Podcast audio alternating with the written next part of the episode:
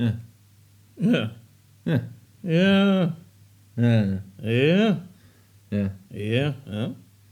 Ja? Ja? Ja. Ja. Te rusten, wel te rusten. Ja, mama. Mama, ja. Kumbaya. Kom maar bij, ja. Kom maar maar bij, ja.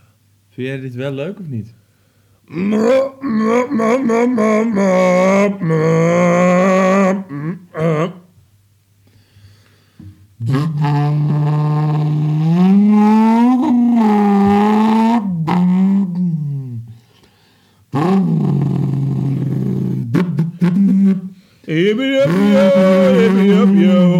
was de intro.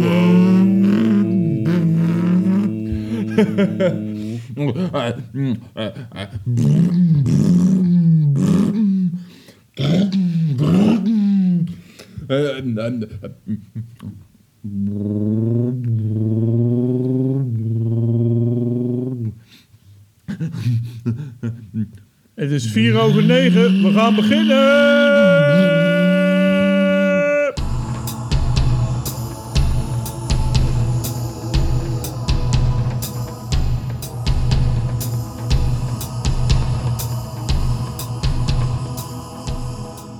Fideïsme Ja? en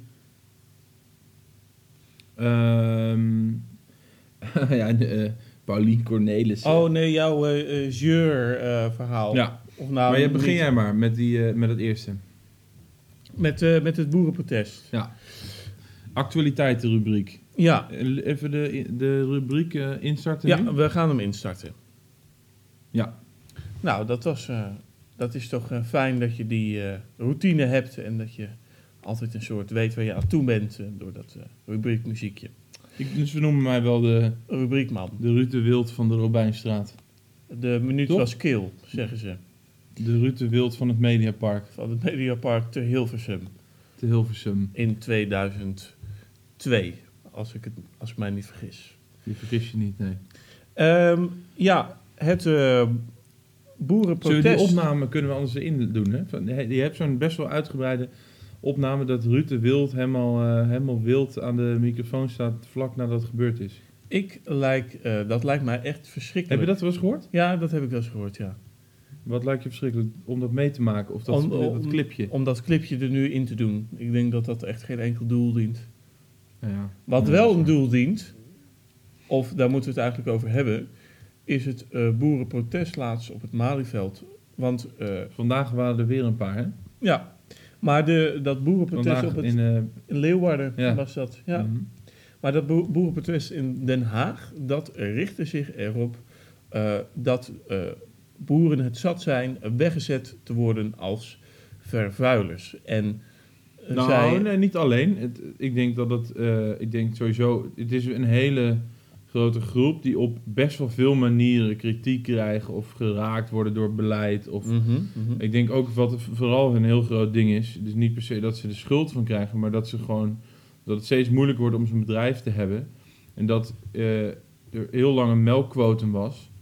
Dat het in 2015 dat quotum is weggevallen. Dat die boeren daardoor, met de, de gedachte van hè, de wereldmarkt op, die boeren eh, eh, konden oneindig veel melk produceren. Heel veel boeren hebben, hebben toen een lening aangevraagd, hebben een veestapel eh, vergroot.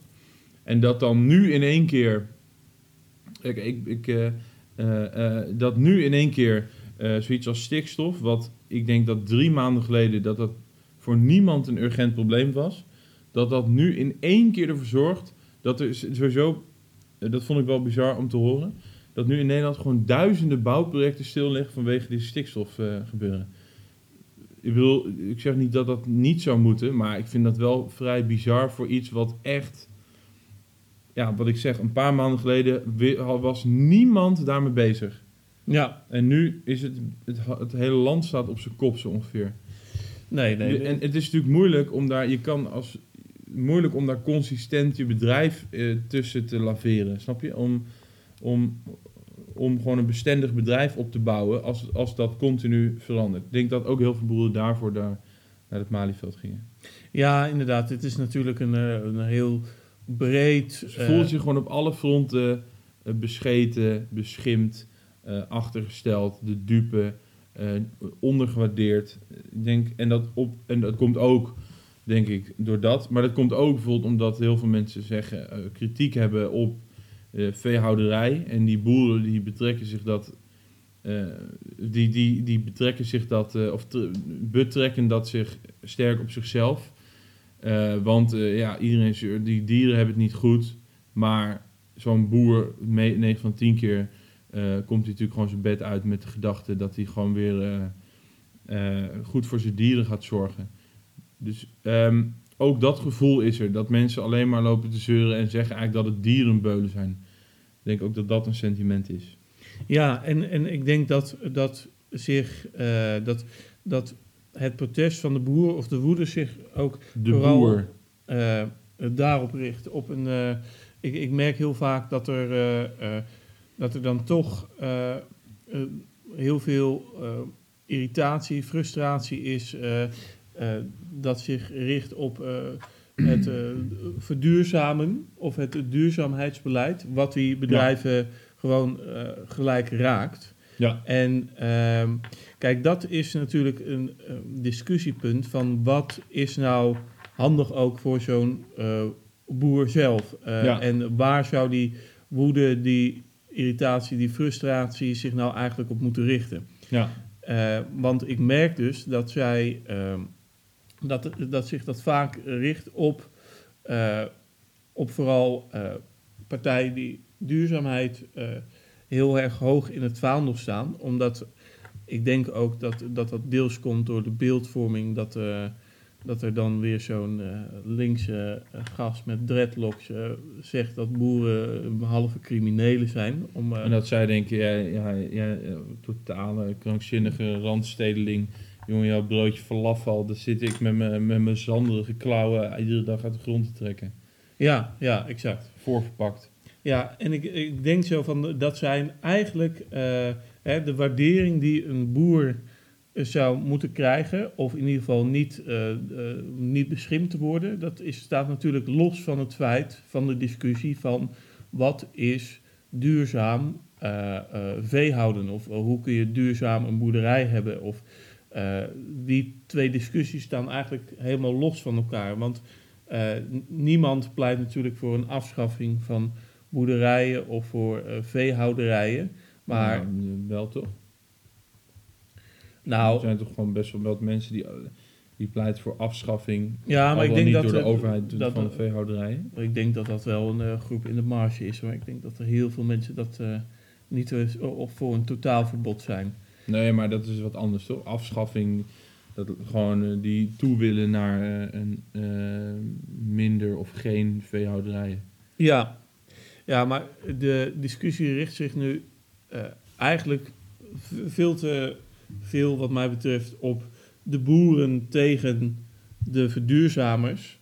Mhm. Van de boeren zijn gewoon zat van die, wat jij schetst. van zij zien waarschijnlijk eh, weer meer regels. Weer eh, wordt, het, eh, wordt mij het leven zuur gemaakt door allemaal van die randstedelingen die gewoon het doodnormaal vinden dat die supermarkt helemaal op voorraad is. Die helemaal niet geen benul hebben van het harde werk dat ik hier lever. En als ze dan krijg ik nog een, een klodder snot in mijn gezicht. nog een stikstofafrekening. ja, omdat, omdat ik, omdat ik eh, vee heb of dat ik, dat ik Dat ik naar stront ruik. melk produceer. Ja. Ja. Maar, dit, eh, maar dat is eigenlijk zonde van die hele discussie. Want eigenlijk leidt dat eh, af van de discussie die denk ik wel heel terecht is. En hoe je die zou moeten eh, voeren. Van hoe ga je die boeren nou helpen om die transitie te maken zonder dat ze helemaal onder de stress, financieel kapot, nog steeds zo goedkoop mogelijk moeten produceren. Want Ja. eh, je zit in een Eh. ongelofelijke spagaat natuurlijk. Want je, enerzijds eh, is er een roep voor verduurzaming. Maar iedereen verwacht wel dat in Nederland het nog steeds zo goedkoop mogelijk in de supermarkt ligt. Mhm. En die twee zijn natuurlijk niet te verenigen. Nee. Om nog even terug te komen op wat je net zei, dat, dat er gezeurd wordt op groene politici. Ja, Eh, maar dat komt denk ik vooral ook gewoon, dat is niet per se boer eigen, maar ik denk vooral dat komt dat gewoon heel veel, eh, heel veel mensen, de overgrote meerderheid, een hele opportunistische opvatting van politiek eh, heeft. Dus ik ben rijk of ik ben ondernemer, dus stem ik VVD. Ja, ja, ik vind dat best een vrij krankzinnige opvatting van wat politiek is. Je zou natuurlijk kunnen zeggen, ja, als iedereen dat doet, dan, dan is Nederland dus best goed gerepresenteerd. Als iedereen die er gewoon, die beter wordt van het VVD-beleid, op de VVD stemt, iedereen die beter wordt van SP-beleid, dan zou je zeggen, dan krijg je dus best een goede afspiegeling. Maar ik denk dat je vooral ook stemt op een, op een wereldbeeld. En ik, vooral dat die boeren zo eh, moeilijk doen over, over eh, bepaalde politieke partijen, komt denk ik vooral ook daardoor. En niet per se eh, uit hele, ja, hoe noem je dat, idealistisch of, of, of, of uit politieke opvattingen, maar vooral gewoon, eh, ja, het CDA, ik, die ken ik en eh, die komen op voor de boeren, dat zeggen ze in ieder geval. En Ja. eh, prima.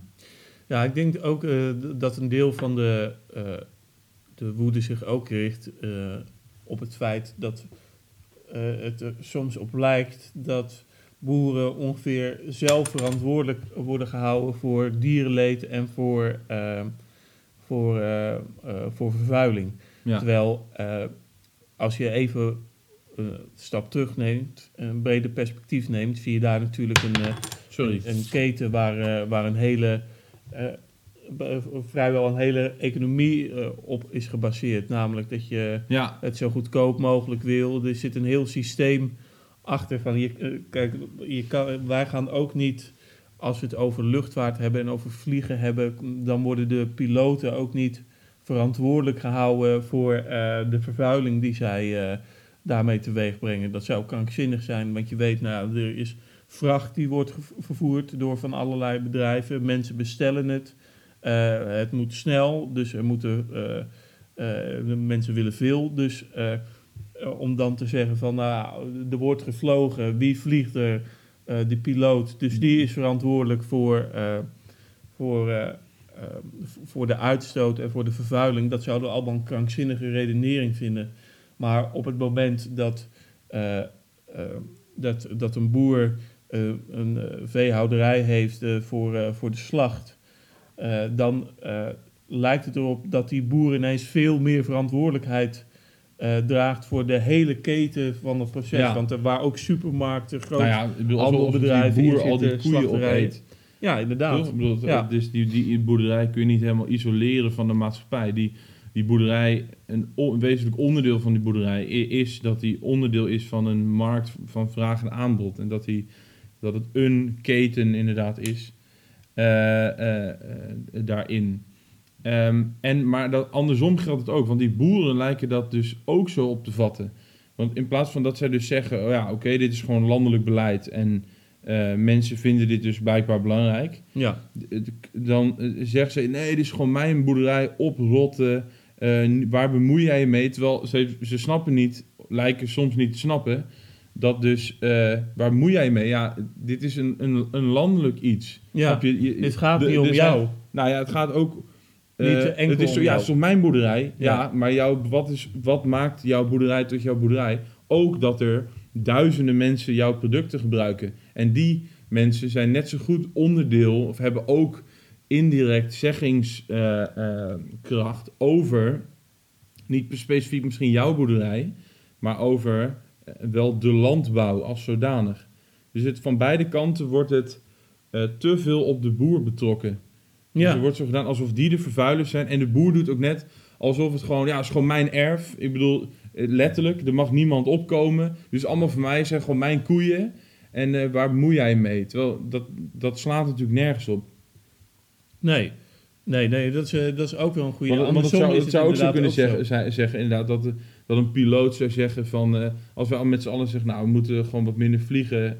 eh, dat vinden we gewoon eh, belangrijk. En dat die piloot zegt, ja, oprotten is gewoon mijn vliegtuig. Eh, ik vlieg gewoon daar naartoe en... Daar heb jij niks bemoei over te niet zeggen. mee. Je ja. komt gewoon, ja, niet, aan niet in mijn vliegtuig gekomen. ja. Ik, ik denk ook de reden wa- wa- waarom, wat, waar de vergelijking op een gegeven moment niet meer helemaal opgaat met de piloot. En de boer is, is in die zin dat de boer natuurlijk ook een... Wat de boer niet Dat er vliegt, dat dat, er veel meer, niet. dat er veel meer emoties eh, eh, bij komen op het moment dat je gewoon met levende wezens werkt. Eh, en dat je... Ja, oh, en ook van beide kanten. Dus dat heel veel mensen dus zeggen van dat is juist iets waardoor we iets waardoor we extra voorzichtig moeten zijn of weet ik veel. we- ja, precies, want, want wa- wat dus de criticasters van de veehouderij zeggen, die zeggen het systeem veehouderij of het systeem boerderij is eh, niet goed, eh, want dat, dat ziet dieren als producten en eh, ehm, eh, ja, weet ik veel, dat buit dieren uit. Ja. Dat zeggen, dat zeggen een groep mensen zegt dat. Die kaart dus dierenwelzijn aan. Maar die boeren ervaren dat als dat mensen zeggen: ja, jullie hebben gewoon scheid aan die dieren. Terwijl die boer, die zal echt met alle liefde de veearts bellen als die koe zijn poot gebroken heeft. En die heeft echt, die is continu bij die dieren, is met die dieren bezig. Ik denk ook echt dat hij begaan is met die dieren tot hoe ver zijn eh, voor, zo, voor, ja, voor wat hij ze ziet. Want die, voor die boer is dat natuurlijk ook gewoon waar. Ja. Gewoon zijn, zijn inkomsten. Dus eh, het is niet hetzelfde als zijn hond waarschijnlijk. Of haar hond. Maar, hè, bruggetje. Maar, eh, voor een later onderwerp. Maar, ehm, ehm, eh, eh, dat is natuurlijk het, niet het punt van die dierenwelzijnsmensen. Die Nee. zeggen natuurlijk niet dat boeren scheid aan hun dieren hebben. Die zeggen dat het systeem boerderij eh, slecht is of, of verkeerd is. Of hoe je, dat, hoe je dat ook maar wil verwoorden. Ja, dat, ik denk inderdaad dat een groot gedeelte dat bedoelt. Maar je hebt ook wel bepaalde eh, wat meer militante eh, groepen die daadwerkelijk eh, gewoon wel die boer daar gewoon de schuld van geven. En dan denk ik ook van, daar ga je echt je doel, schiet je echt je doel voorbij. Dat is, Ja, dat vind ik ook. Nou, het lastige is, kijk, bijvoorbeeld, je had een poos geleden had je die mensen die zich opsloten in een stal. Dus die, die, die de, een boerderij platlegden mhm, in die varkensstal. ja. Het probleem is, eh, dat manifesteert zich op één bedrijf, op één boerderij. ja, Terwijl voor die mensen is het een soort symbolische daad. Eh, want ja, waar, waar moet je dat anders doen? Je kan niet bij alle boerderijen het een beetje doen. Dus je moet dan iets kiezen. Terwijl dat natuurlijk voor die boer eh, voelt dat als een soort... ze zijn op zijn boerderij. En, en daar wordt dus verweten dat, dat, er, dat er slecht voor die dieren wordt gezorgd. Ik, ik, denk, ik denk dat dat eigenlijk een, eh, een, eigenlijk een voorbeeld is de, waar we alles goed kunnen samenvatten. Van die, die, eh, omdat eh, het, het gebeurt in één stal. Ik heb nog een beter voorbeeld. Nog een beter voorbeeld. Nou, vind ik zelf. Nou, het zou bijvoorbeeld hetzelfde zijn als dat je... Stel, je hebt een verzorgingstehuis. mhm, En daar werken verplegers en verpleegsters. Het, laten we zeggen, het is een bejaardenhuis. Tehuis. En daar, daar zitten hon- 100 mensen wonen daar. En er werken daar 10, 10 man personeel. Eh, en die hebben gewoon maar een x aantal uren. Eh, eh, er zijn natuurlijk best veel bezuinigingen geweest in de zorg de Mhm. afgelopen nou, decennia. Ehm, en die hebben gewoon maar een beperkt aantal uren. Stel, er, er, er is een, een, een groep mensen en die, die zegt dus... ja, wij zorgen niet goed genoeg voor, hun, voor onze ouderen. ja, Eh, dan kan ik me voorstellen dat je als verpleger zegt... jongen, ik werk me helemaal de ballen uit mijn broek. Ik doe alles wat ik kan. Hoezo zorgen we niet goed voor... Hoezo ehm, eh, zorgt dit verzorgingshuis niet goed voor, voor, onze ouderen? Ik doe alles wat binnen mijn macht ligt. Maar de kritiek is dus dat het dus niet gaat om... Iemand kan... eh, het, het gaat erom of iemand binnen de kaders alles doet wat er kan. Maar, en daar is de kritiek niet op. De kritiek is juist op de kaders. ja. Dus een boer binnen het systeem van een boerderij, hoe we dat hebben, doet waarschijnlijk perfect zijn werk. Maar die mensen willen gewoon dat het systeem boerderij verandert. En het is niet per se dat die boer daar binnen iets verkeerd doet, maar dat het hele concept van die boerderij moet veranderen. Ja? ja, helder. Oké. Perfect. Ja? Wanneer het je even te veel wordt, dan ga je bellen met Eddie. Dan moeten we hem even op.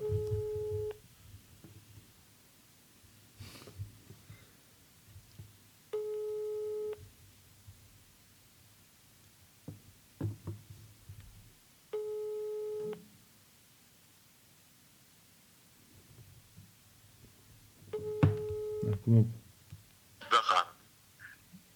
Hallo? Ja, hoi. Hi Eddie. Hi. Je zit Hi. in de podcast.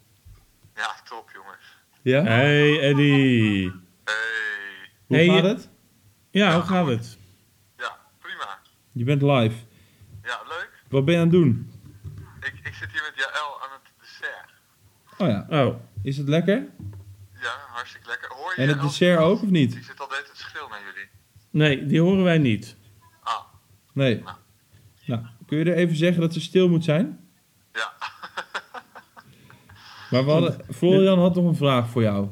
Ja, ik had nog een vraag. Eh, dat bericht dat je me stuurde, was je daar serieus over? ja, absoluut. Oké, dan gaan we het daar op een later moment over hebben. Maar ik heb een andere vraag voor jou. Eh, op het moment dat jij eh, in een eh, tram zit en eh, de halte nadert eh, waar jij eruit moet, eh, wat is meestal het moment dat jij je OV-chipkaart gaat zoeken en is dat op tijd meestal? Nee, dat is vandaag nog gebeurd. Ik was vandaag onderweg naar de universiteit in de tram. En toen, toen dacht ik, ik moet nu op gaan staan met mijn OV-kaart. Ach, godverdomme, dit vind ik zo flauw. oh, vreselijk. Ik was eens... Vorige keer heb jij dit gedaan. Ja hè? maar, ik, ja, maar ik was wel Ja. geïnteresseerd in dit verhaal. Laten we Oh, hem nu wel. terugbellen. Kom. Hij neemt niet op, denk ik nu. Toch? Ja, maar ik was, ik was echt oprecht geïnteresseerd wat hij... eh, Nou, nou, nou, fijn dat je oprecht geïnteresseerd was daarin. nou, oké. We hebben ruzie nu. Ik denk dat hij niet opneemt nu. Ja. Ja, sorry, Florian drukte je weg. Maar, ehm, Ja, leuk. dat is Ja. zo niet waar. Maar goed, Ja, eh, wel waar. eh, vertel alsjeblieft verder. Je was, je was in, de, in de tram naar de... Godverdomme. ah, je moet het gewoon niet meer doen. Ik, word- ik word hier zo kwaad van. Jongen, je doet net alsof je de, de, alsof je de vraag van je leven hebt gesteld. Ja, nou ja, ik ben, ik ben hier kwaad over, Arend. Dat mag toch? Nou, zullen we nog één keer bellen dan? Nee, nee, nou hoeft het niet meer. Eén keer. Oké, we proberen het nog één keer. Nou, neem op. Godver... Hé? Wat, wat heb jij met dat ding gedaan, joh? Ja, hij gaat nu niet meer opnemen. Eh, Drukt hij ons weg, denk je? Nee. FaceTime. Vind je het niet leuk? De FaceTime, hij heeft denk ik geen eh, Apple. Degene die Ja. u probeert te bereiken heeft hij voicemail uitgeschakeld. Nou ja, dan... eh, Weet je dat echt niet dan? nee. Als ik nu zeg hij heeft een Android, zou je het dan geloven? Ja? Echt? Ja, ik, ik zou niet weten wat voor telefoon hij heeft. Een witte iPhone 6. Een witte iPhone 6. Ik weet zelfs waar de, ik- in de rechterbovenhoek Is het een niet stukje een iPhone 8? Nee. iPhone 6. Prima.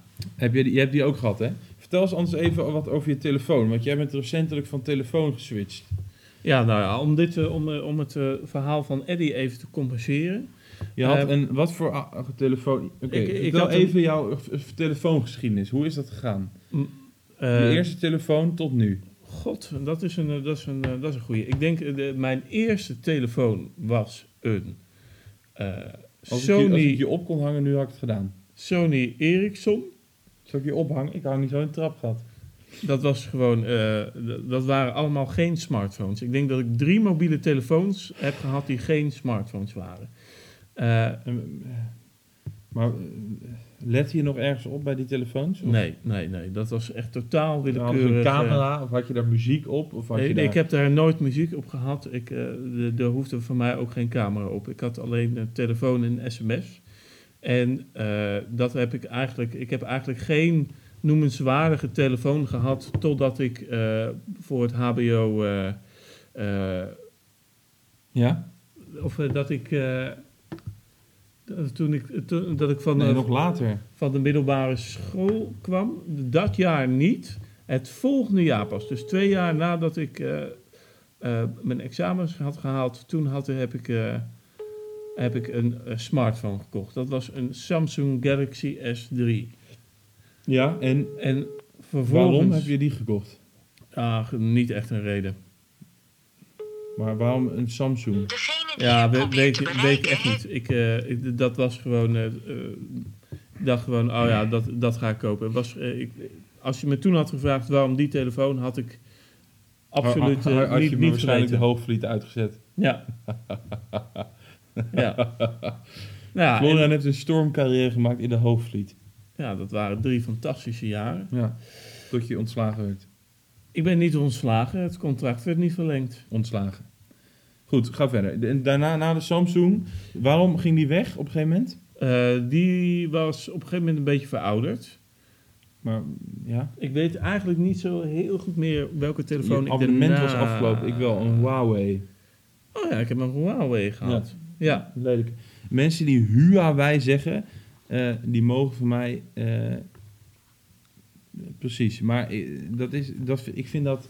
eh, ik, wat ik vooral zo storend vind als je dan iets goed uitspreekt, dat mensen je echt aankijken alsof je de grootste pretentieuze debiel bent die er bestaat.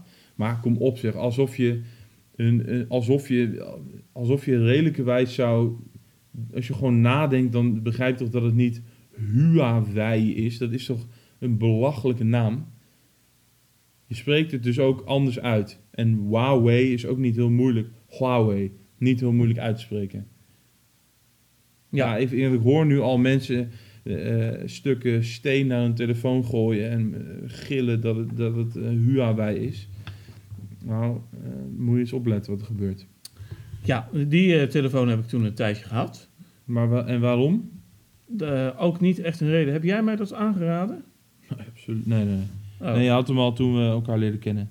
Ach, Je had hem, eh, je had hem toen al. ik, vind ik denk echt dat jij beter weet eh, wat mijn telefoons zijn geweest eh, dan ik. Want ik, heb, ik, ik wist echt, was oprecht vergeten dat ik die Huawei had. Huawei. Huawei. Je zijn nu Huawei. Dus jij hebt precies hetzelfde, met een G. Ja. Ja, eh, volgens mij heb ik daarna een iPhone 5S gehad. Ja. Toen hebben we een iPhone 8. Nee. Nee, wat heb ik daartussen gehad? Een 6 die Een in het waterblad van Oh, de Kaapse. Oh, ja. Toen een iPhone 8. Maar waar een iPhone, eh, eh, eerst nog even een iPhone 5S tussendoor, Ja, ja. witte, Ja. die heeft mijn moeder nu. Ja. Ehm, maar en waarom een iPhone? Eh, nou, op aanraden van jou. Maar waar gaat dit verhaal nou naartoe eigenlijk? Dat is. eh, dat is eh, Oké. Nee, ja, en toen heb ik. eh, die, Ik hoop dat je het nog hoort. Toen heb ik een iPhone 8. Ja, dat is een redelijk nieuwe. Ja, Je hebt een abonnement opgenomen. ja. Ja. Maar toen, wat mijn beweegreden toen was om die weg te doen, is omdat ik merkte dat mijn telefoongebruik, wat ik gewoon op mijn, eh, wat ik gemiddeld genomen op eh, mijn telefoon zag, zat per dag, dat groeide gewoon echt exponentieel, eh, omdat die accu geweldig was, omdat die, die filmpjes gewoon, omdat het scherm goed was. Geluid was gewoon uitstekend. Dus het Ja, was gewoon. geluid. Nou ja, voor een telefoon was, die, was het gewoon allemaal is net goed genoeg. Echt niet een groot verschil met die je nu hebt. Maar het was allemaal net goed genoeg. Alles bij elkaar. Om gewoon. Het was veel te makkelijk voor mij om gewoon op de bank te zitten. Dat ding uit mijn zak te halen. En daar gewoon urenlang. Gewoon als een vegeterend stuk stront. eh, gewoon filmpjes te kijken. En dat bleek ook, want ik had toen eh, schermtijd. En op een gegeven moment was het echt na de 4,5 uur per dag ongeveer op, op dat ding.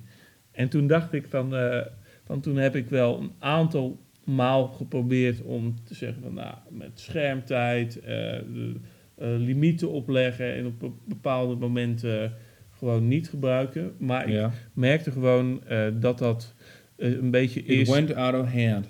Nou, het is gewoon alsof een alcoholist gewoon. Voorbij de galling gal. gal, nou, loopt. of gewoon echt boven een slijterij woont. En dat je dan gewoon. Of een, bijvoorbeeld een gokverslaafde.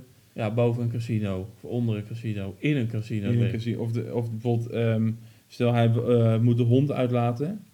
eh, dat hij bijvoorbeeld de hele tijd langs één eh, ja, filiaal van Holland Casino loopt. Ja, ja. Nou, maar, maar het, wa- het, het- Met de hond. het was gewoon. En dan moet die hond buiten aan een paal vastgebonden worden. En hij we binnen, hup, gokken, fruitmachine. Euro, hup, nog een euro, en nog een euro, en nog een, en nog Want een eh, chip. de volgende, hij zit bij de volgende. Die hond. Die hond, ja. Die hond komt uit die gokmachine dan. Dat die, dat die hond gokverslaafd is. Dat die hond gokverslaafd is, ja. Ja. Maar goed, God, dat was godverslaafd. godverslaafd. Brugje, brugje. Godverslaafd. Je kan gokverslaafd zijn, maar ook godverslaafd. Wat gaat, dit, wat gaat dit nergens heen? Bruggetje. Ja, burgertje, jongen, de, de, de- hier loopt net te kankeren dat het nergens heen gaat. En nu is het eh, verhaal klaar.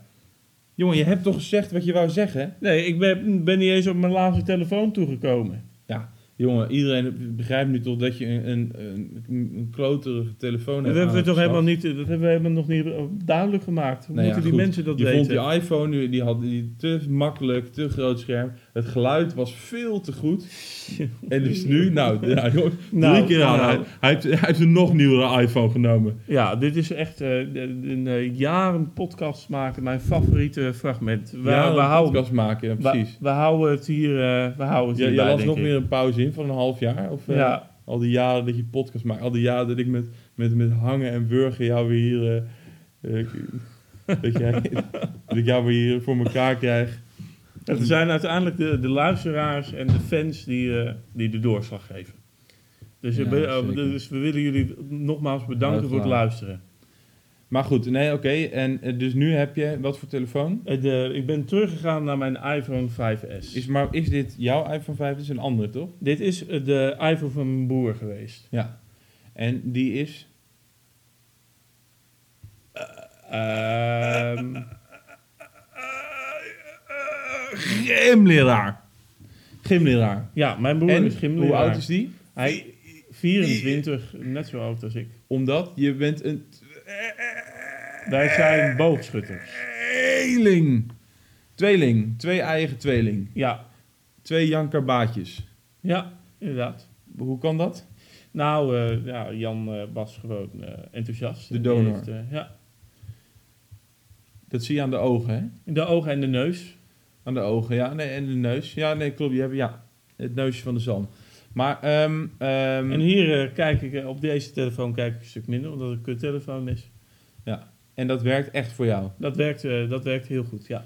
Maar je bent ook slechter bereikbaar daardoor. Ja, Dan wat? maar dat vind ik, dat vind ik niet, niet helemaal erg. Nee, maar de wereld om je heen wel. De mensen om je heen. Je, stel, ja, ik hoe, zou eh, heb je dat gemerkt, ja? Dat ik, Nou ja, eh, ik dacht bijvoorbeeld laatst... eh, wat nou als ik nu een, een eenzijdig, vreselijk ongeluk krijg? Nou ja, de kans dat jij weer... je telefoon weer uit, uitgevallen is, is best wel groot. Nou, als dat, als dat om eh tien uur 's ochtends gebeurt, is de kans eh, nihil. Als dat om vanaf acht uur 's avonds Tien uur 's gebeurt, dan... neem je sowieso niet op, toch? ah, ja. Wat? Oké. Nee, precies. Nou ja, ik, eh, nee, ik heb een... Soms denk ik wel, Jezus, zet, eh, waar, hoezo is hij weer uit? Je hebt toch die powerbank, gebruik die dan ook? Powerbankje, dat is een Ja. goeie. Die heb ik jou laatst nog gegeven, dat ding. Ja, Laat dat ding op. we gaan het Handig. ding... Ja, Wat? fideïsme. God, eh God verslaafd. Godverslaafd. Even ja. om terug te komen op het bruggetje. Een gokverslaafde die boven een casino woont, eh, is niet handig. Maar als je godverslaafd bent, ja, Dan ben je nog veel verder van huis. nou ja, ja. Ehm, wat? Even, waar ging het ook weer over? Fideïsme. Fideïsme. Ja. Kun je uitleggen wat dat betekent? Ja, maar doe ik niet. Of in ieder geval, ik, eh, ik, ik weet wel wat het is, maar ik heb gewoon niet veel zin.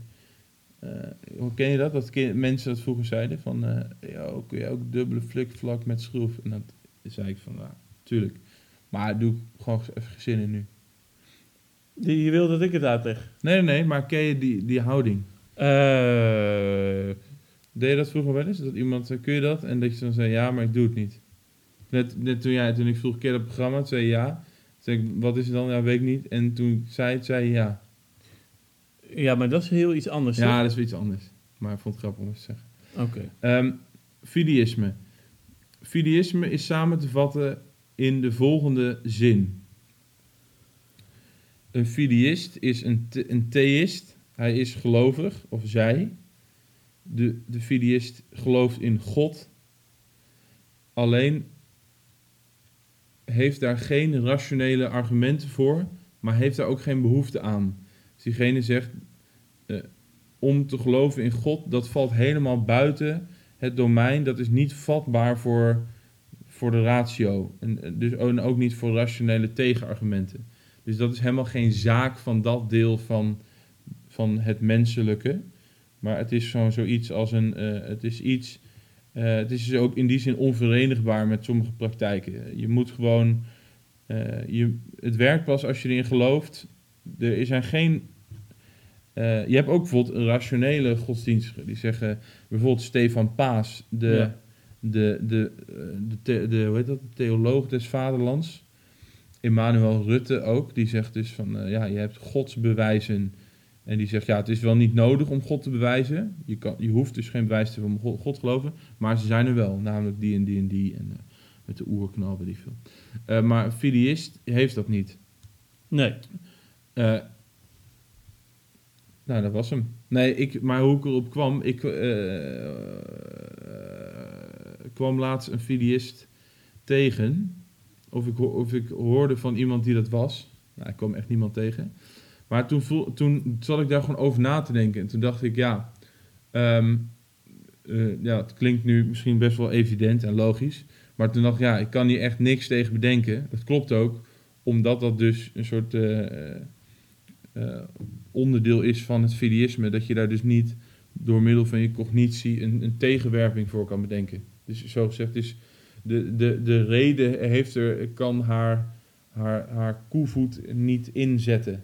Het, Ja. is niet, het is gewoon immuun voor, voor eh, ja, kritiek haast. Ja, ja. En ik, de- ik denk ook van... Maar eh, dat geeft de illusie dat het dus... Daardoor ben je snel geneigd om dan te denken... Oh, dus moet het waar zijn. Maar dan denk je vanuit dat discours... waarin kritiek wel mogelijk is. Snap je? Want ik dacht toen van ja... er valt niks tegen in te brengen. Nou, dan zal het wel kloppen.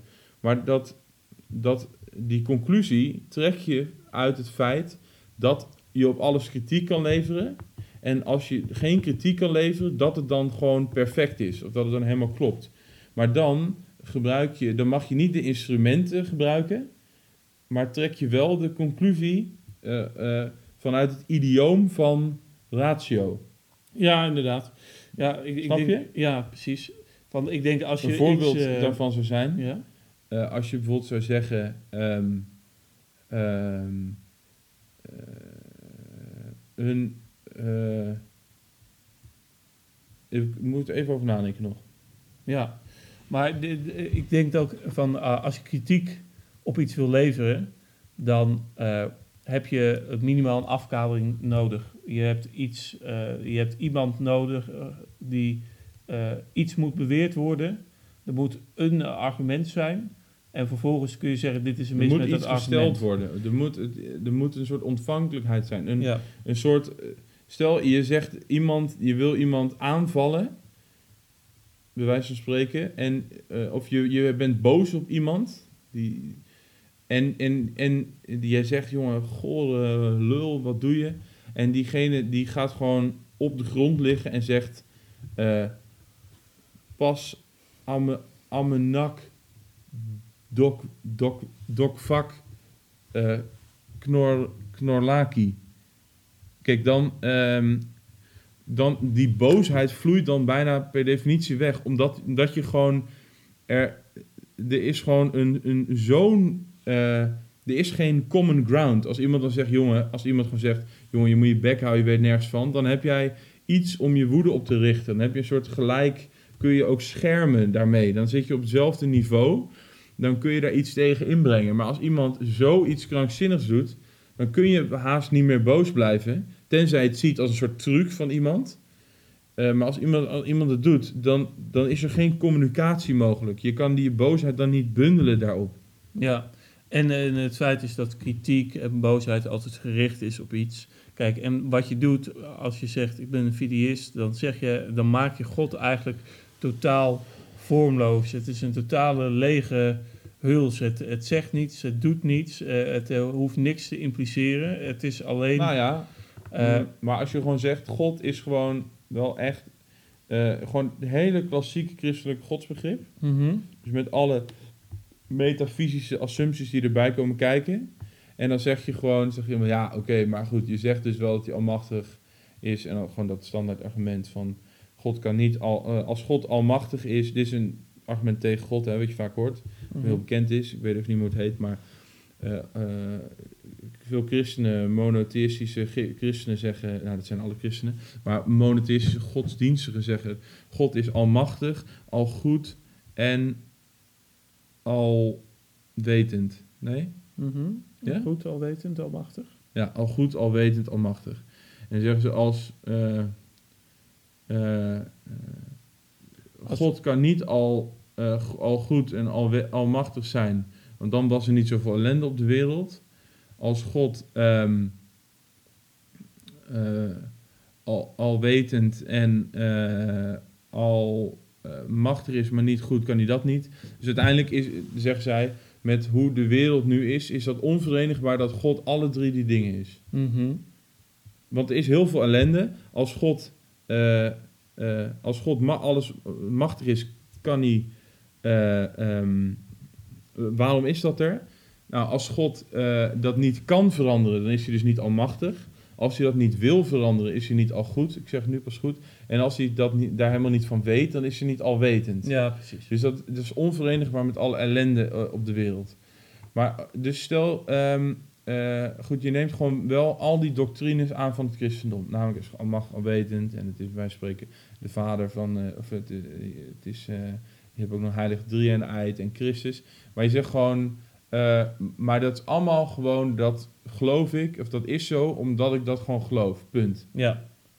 Toch? Kan toch? Kan, je kan nou, zeggen, kijk, ja, dat is... maar dat klopt niet. Snijd geen hout. Want hij kan niet almachtig en zeggen... Ja, jongen, boei- boeit me niet. Dit, ik, op dit niveau eh, denk ik niet over na. Ik ben hier niet vatbaar voor. Hij is gewoon almachtig, alwetend en al goed. Punt. Ja, maar, maar dan zou ik er tegenin brengen van... Kijk, je, eh, je zegt dat je er op een bepaald niveau niet over na kan denken. Dat, er gewoon, eh, dat je bepaalde dingen gewoon accepteert zoals ze zijn... omdat je daar gewoon niet bij kan komen.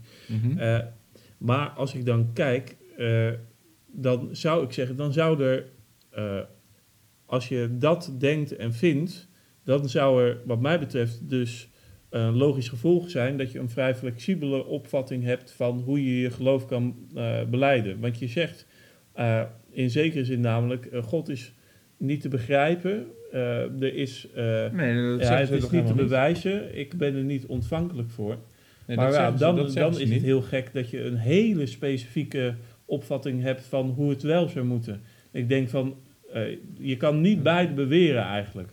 Jawel, toch? Je, ze zeggen niet dat, dat, dat je God ehm, niet kan begrijpen. Dat zeggen ze niet. Ze zeggen alleen... eh, ik, geloof er, eh, ik geloof gewoon in... Niet omwille van rationele argumenten... maar gewoon omdat ik erin geloof. Je kan toch een heel uitgewerkt godbegrip hebben... en dat, en dat handhaven? Eh jawel, dat, dat, dat kan wel, maar ho- hoe werk je dat eh, godsbegrip dan uit? Dat is volgens mij eh, ook gebaseerd op bepaalde consistenties, hoe dat in elkaar zit. Dus van niemand die zo'n godsbegrip heeft, zegt een God kan alles zijn. Dus er is altijd een bepaald godsbeeld. Dus het, het, het feit dat zij niet... Ja, Spinoza zei dat. Ja, bijvoorbeeld. Maar het, het, het feit dat je wel een consistent godsbegrip hebt waar je structureel naar verwijst en consistent naar ver- verwijst, Ja. zegt ook wel dat het niet helemaal waar is dat dat godsbegrip helemaal op 0,0 rationele eh, gronden is gemaakt. Want, de, want er is een consistent godsbegrip, die is zelfs zo consistent dat je er een hele leefwijze op baseert. En ik denk niet dat zij zeggen, ik doe maar wat en ik geloof ook ja, maar je God. kan toch zeggen, ik, ik, kan wel God, ik kan God wel begrijpen. Ik, dus ik kan namelijk gewoon, eh, ik, ik, eh, ik weet gewoon dat God goed, alwetend en almachtig is. Mhm. Eh, ik weet dat God zus, zus en zo. Maar vraag me niet waarom dat zo is en hoe, hoe dat kan. Want ik heb daar, ik, dat bevindt zich helemaal niet op het gebied van mijn ratio. Maar je kan dan toch wel prima gewoon zeggen, eh, dit is gewoon de, de leer, dit zijn de doctrines. Mhm. Maar ik, ik ben daar, ik- verder voor mij bege- begeeft zich dat niet op het gebied van de ratio. Ja. Ja, nou ja, dan, dan kijk, dat, vind ik dus, dat vind ik een gekke spanning. Dus dat je enerzijds zegt van, ik vind, ik, eh, eh, als je vraagt voor bewijs van God, dan zeg ik van, dat interesseert me niet, of daar, dat is niet van dit niveau. Maar dat je op, eh, waar ligt de connectie dan tussen eh, in God geloven en op een hele bepaalde manier in God geloven? Je zou zeggen dat die twee met elkaar te maken moeten hebben. Eh, van, van dit is hoe God zich manifesteert en Mhm. waarom. En dat is waarom ik op deze manier het geloof beleid. Maar die twee lijken totaal los te staan van elkaar in, in, Mhm. in fideïsme. Nou, dat lijkt mij moeilijk te verantwoorden. Maar ja, de- wat, Maar wat je zegt, dat- dat doen ze dus doen- niet. Dat Nee, doen ze dus niet. Nee. Dat is er helemaal niet. Dus de, er is ook helemaal geen verklaring van dat godsbeeld. Het is gewoon echt letterlijk gewoon eh, niks. Het is gewoon wat het is. ja. Ik geloof gewoon in God. En, eh, maar het, het is dus niet eh, dat ze, want dat is wel belangrijk, wat je in het begin zei, het is dus, wat, je- wat ik dacht dat je zei, het is dus niet dat ze zeggen dat wij kunnen God niet eh, verklaren, of we kunnen hem niet begrijpen, of we kunnen hem niet eh, bewijzen. Mhm. Dat is het punt niet, want dat zou impliceren van, je kan het, het, in principe kan het, maar wij kunnen het niet. Maar dat, dat zeggen ze niet. Ze zeggen gewoon, het bevindt zich helemaal niet op het gebied van het bewijzen. Het is helemaal niet, het is hetzelfde als ik dat zou zeggen, eh, ehm, God banaan. Snap je? Het heeft, het heeft, het heeft geen, het bewijs heeft, heeft geen, is dat geen, geen relatie tot God. Het begeeft zich op een totaal ander domein. Mhm. Ja. Dus in die zin is het immuun voor alles per definitie. Ja. Ja, het is niet eens immuun, want dat veronderstelt al dat het, dat het neutraal is om vatbaar te zijn voor kritiek, maar dat iets immuun is of is gemaakt.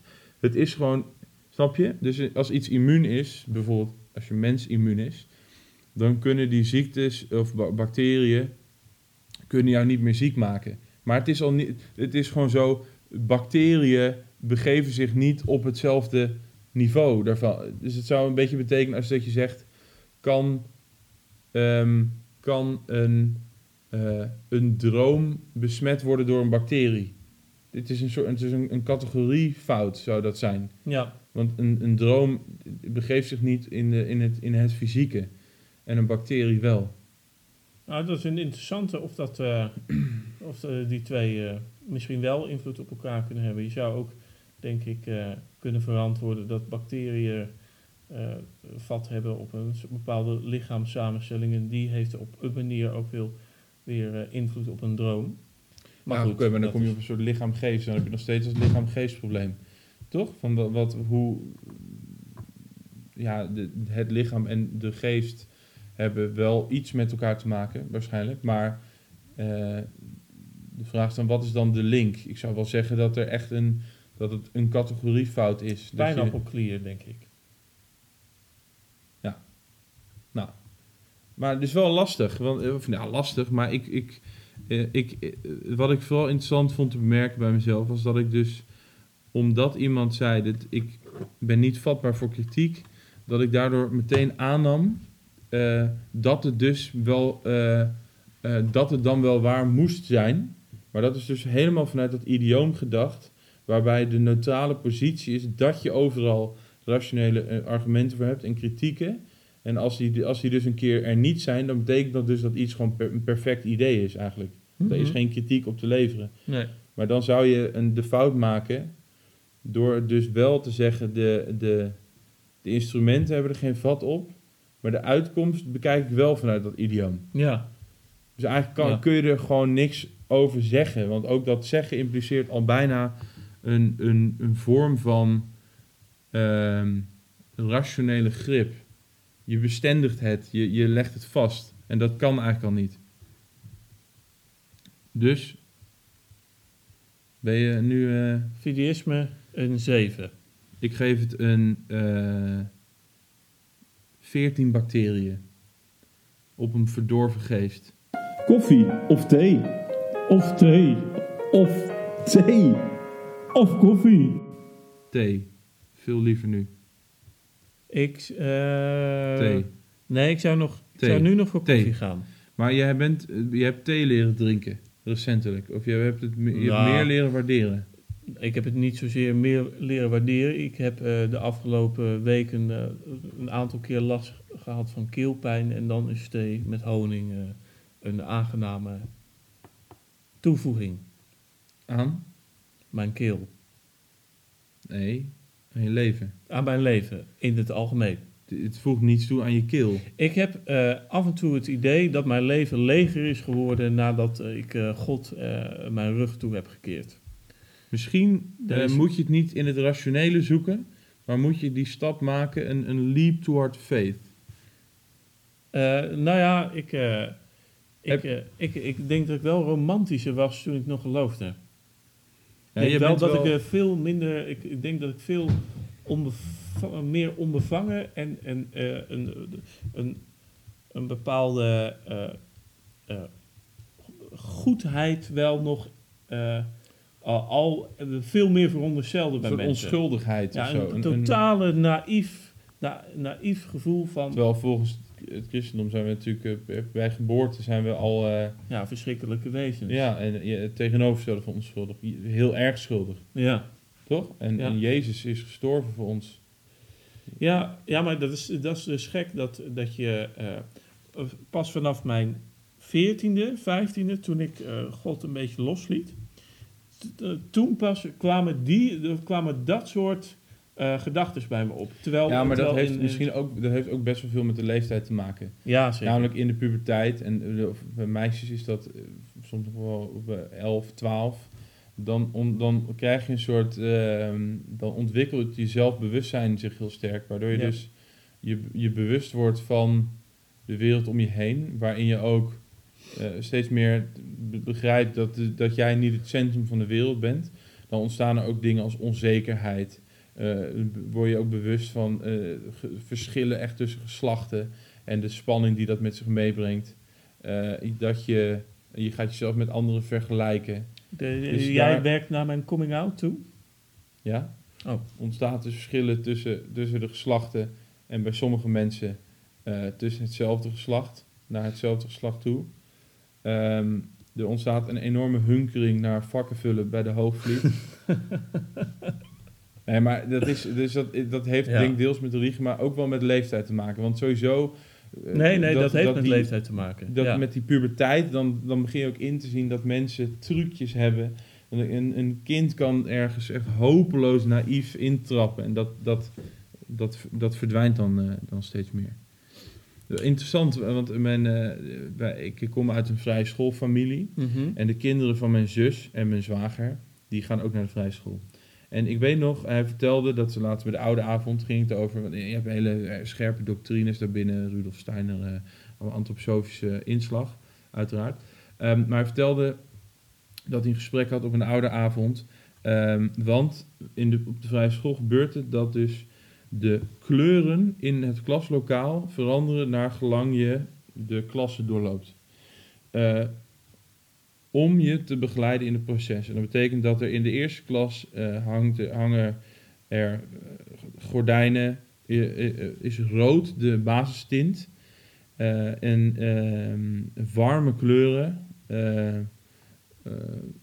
en naarmate je, dus het gaat over de basisschool, hè? Mhm. En naarmate je de klasse doorloopt, worden die kleuren steeds lichter en verandert dat naar blauw. Ehm, omdat, eh, en daar hadden we een gesprek over, je zou kunnen zeggen dat de, de, eh, de bestendigheid en je bescherming, je, je veilig voelen, haal je op hele jonge leeftijd heel erg uit, je, uit externaliteiten. Dus een, voor een kind, die, ziet zichzelf niet als gewapend naar de buitenwereld, maar die ziet het gezin als een soort organisme naar de buitenwereld toe. En datzelfde geldt voor een klas. Dus en dan, nou, ik zeg gelijk, een soort, een soort mini-baarmoeder waar al die kinderen in zitten. En dat houden, halen ze heel erg uit externaliteiten. Dat kind ligt nog heel erg open in de wereld. Is nog niet echt een, een, een, een scherp om afgetekend subject of individu. Ja. En naar gelang dat je zelfbewustzijn zich ontwikkelt, ontstaat er dus letterlijk een, een bewustzijn van jezelf in de wereld. En dan komen er ook grotere dingen. eh, dus dat gezin, daar komt ook zoiets bij als eh, vriendenkring en eh, klas en populaire mensen. En ehm, eh, door, ehm, daar ga je dus steeds meer, ben je bewust dat jij een soort eigen kern bent. En dus niet alleen maar een soort voortvloeisel van een gezin, maar ook eh, ehm, een individu Ja. op zekere hoogte. Ja. En die En- kleuren, die zouden dat eh, dan stimuleren. En dat je dus ook steeds meer die, die afsluiting naar de buitenwereld vanuit jezelf komt. Dat je dus verscherpt wordt in jouw eigen zijn, jouw, jouw subject zijn tegenover de wereld. Ja, ik- En daar komt dus ja. bijvoorbeeld onzekerheid. Dat is een, een, het feit dat je dus ziet, ik ben iemand, maar dat is ook iemand op zichzelf. Dat veronderstelt, of jaloezie, of eh, dat veronderstelt dat. En ook dingen als seksuele spanning, daar is zo'n notie voor nodig. En dat vond ik wel interessant. Ja, ja nee, maar het is grappig dat je dat zegt. Of eh, in ieder geval, ik, ik merkte ook bij, bij mijn basisschool... de kinderen die eh, zich sneller als individu presenteerden... minder onbevangen in de wereld stonden... meer onzekerheden hadden over bepaalde dingen. Dat waren allemaal kinderen eh, Van over het algemeen...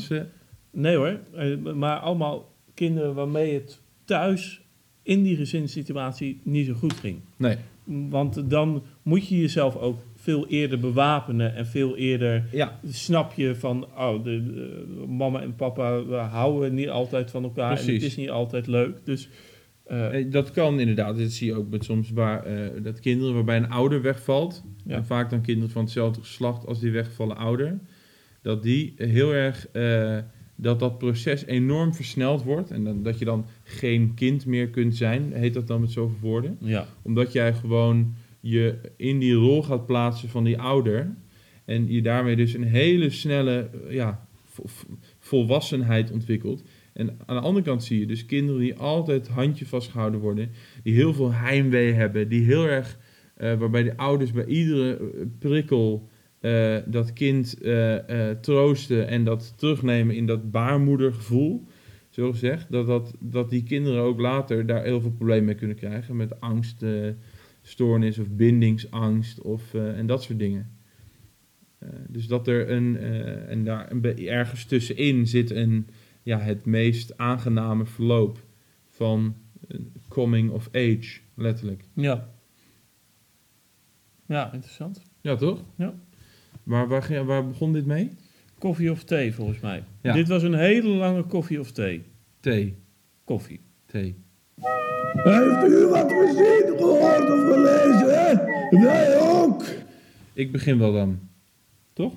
Laten we dat doen. Ja. Nou, ik heb twee dingen. Allereerst, eh, wat heb ik gezien, gehoord of gelezen? Ehm, eh, eh, ik was op het internet aan het kijken. Surfen. Surfen op het web. Ja. Op, te Op weten, World Wide Web. op YouTube. Oh. En op YouTube. En ik kreeg een filmpje van. ehm, en ehm, ik zat. Ik was aan het googelen op een boek. Dat is een boek wat ik aan het lezen ben. Van, over eh, Martin Heidegger. Best wel dik boek en best wel een lastige materie. Dus het is een boek wat je niet zo heel snel uitleest. Maar ik was daar dat wat over aan het opzoeken. Ehm, en dat is een biografie van Martin Heidegger, een bekende filosoof. Geschreven door Rudiger Safransky, ook een eh, filosoof. En ik, dat vond ik een heel goed boek. En, eh, leeft nog, dus het is een redelijk, redelijk uit de jaren 90 of zo, best wel recent boek. En ik googelde op dat boek. En toen kwam ik bij een boekbespreking van Maarten het Hart. Wel, een hele bekende Nederlandse, Nederlandse schrijver van eh, onder andere Vlucht Regenbulpen. Heeft eh, laatst Magdalena een boek geschreven over zijn moeder. En ehm, hij is ook bekend, natuurlijk een hele bekende atheïst eh, in, in Nederland. Een soort, eh, nou goed, dat, maar goed. Ja, in het, eh, in het debat eh, in de jaren 80, 90 was hij, zat hij vaak met Barend en Van Dorp daarover te praten. Ehm, want dat beviel hem wel, dat atheïsme. En dat is nu misschien niet zo vernieuwend, maar toen wel. Maar toen kwam ik op dat kanaal van boekhandel De Cler. En hij maakt dus gewoon iedere keer boekbesprekingen van de nieuwste boeken van die boekhandel. Ja, hij woont in Warmond. Eh, en voor mij is het een, lo- redelijke lokale boekhandel. Ik zou anders niet weten waarom je dat zou doen. Ehm, ehm, maar het, wat ten eerste al heel leuk is, dat het eh, ja, in zijn tuin zijn sommige opgenomen. Andere gewoon bij hem binnen. Allemaal met best wel knullig geluid. Eh, korte filmpjes van een minuut of drie, vier, vijf. En, eh, en heel veel. En ik moet zeggen, ik, had, ik heb er enorm van genoten. Ik heb echt best wel veel van die filmpjes gekeken.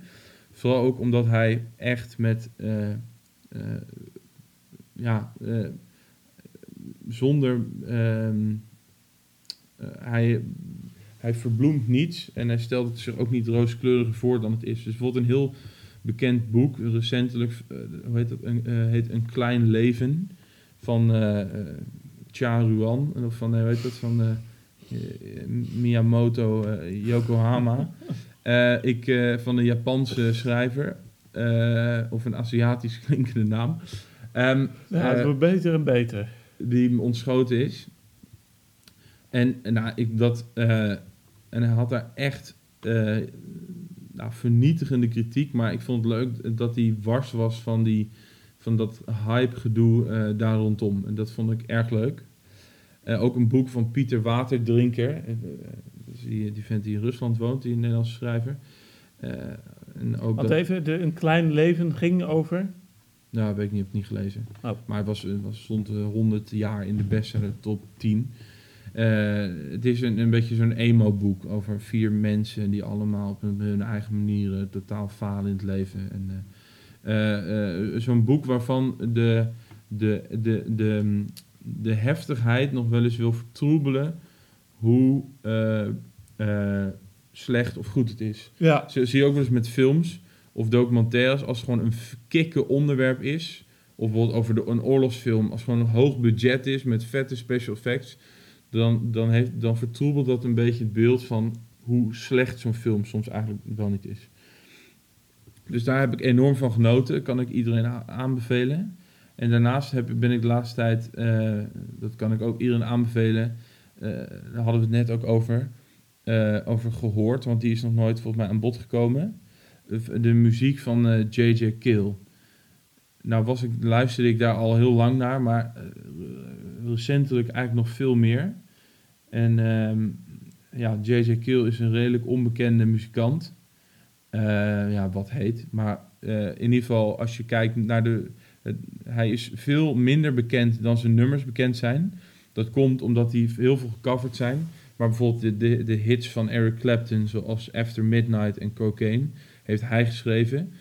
En wat mij betreft ook veel natuurlijker en mooier uitgevoerd, zonder dat heigerige stemgeluid van eh, Clapton. Eh, en dat is muziek die je gewoon altijd kan luisteren. En ik kan er heel lang over praten, maar dat, vond ik, dat heb ik ook gehoord. Wat ik heel leuk vind en vond. En wat ik iedereen aan kan raden. Hé? Florian. Boerian. Ehm, ja, wat ik eh, gehoord, gezien heb of gelezen. Ik zag laatst in een. eh, ja, maar daar ga ik daar weer over zeiken. Daar heb ik ook geen zin in. Nou. Eh, over een. Over een oh, misschien iets positiefs. Nou, ik, heb, ik had laatst. eh, had ik ehm, de. eh, eh, het laatste hoofdstuk. De laatste twee hoofdstukken van de Broers Karamazov weer, weer herlezen. En ik, Boris Gamaaf, wat zeg even waar het over gaat. dat is een boek van Fyodor, Fyodor Dostoevsky. Dat het verhaal speelt. Een, een Russische klassieker ja, zeker. De- uit de- de 19e eeuw. Het gaat over eh, drie eh, broers, I- Ivan, eh, Dimitri en eh, Alexei eh, Karamazov. Ja. En eh, die hebben een vader, uh, Fyodor. Ja. Eh, en eh, spoiler alert, dat gaat nu komen. Eh, die, eh, Spoiler alert. Dus als je nu... eh, zet hem uit als je dit niet wil horen. ja, het, het speelt zich eigenlijk af in één stadje. En eh, Te weten? die Mokroje heet dat volgens mij. Mokrooien. Ja. En is Alexei is eigenlijk de eh, christelijke goedheid zelf. Dimitri is een van de krankzinnige eh, ehm, eh, romanticus die zichzelf overal verliest in alles. En Ivan is eigenlijk de, de beetje de verlichte denker die de vooruitgang predikt. En dat is eigenlijk ook een beetje het hoofdthema van het boek. Ja, wat, er zitten natuurlijk heel veel parallellen in Oh, naar ja. de samenleving van die Ja. tijd, naar het denken. Oh, heel veel eh, met het christendom, maar ook letterlijk met Ja. grote inquisiteur. En eh, dus, nou goed. Nou, maar, maar eigenlijk... Heel je- gelaagd verhaal. Kijk, kijk, het is, het, Wel lang. Het is duizend bladzijden, dus, dus het is ook, heeft ook niet zoveel zin om dat Duizend en één nacht heb je er ook eh, gedaan. Om nu helemaal te, te bespreken. Maar wat ik zo krankzinnig goed vind aan het boek, en dat is wat jij ook aangeeft, is dat de, de gelaagdheid en de para- parallellen die daar worden geschetst, eh, dat zit er zo vervlochten en knap in, dat je soms echt eh, door de parallellen eigenlijk het, Parallellen. eh, het, het, verhaal, het verhaal niet meer ziet. Het is zo krankzinnig goed geschreven. Het gaat Ja. over atheïsme, over religie, over rechtspraak, over hoe je een samenleving... gewoon- moderniteit, over de, de, de de identiteit, vooruitgang. de identiteit van Rusland, hoe je daarmee omgaat. De identiteit van Rutte. En ik vind dat eh, in dat laatste hoofdstuk, dat, dat, daar kan je echt, dat, vind vond ik zo mooi. Ja, Dat vind ik, eh, vind ik echt zo mooi geschreven. Daar kan ik, als ik daar eh, vatbaar voor was, tot tranen toe geroerd tot, tot zijn. Dat je, als je, als je had kunnen huilen, had je daar misschien omgehaald.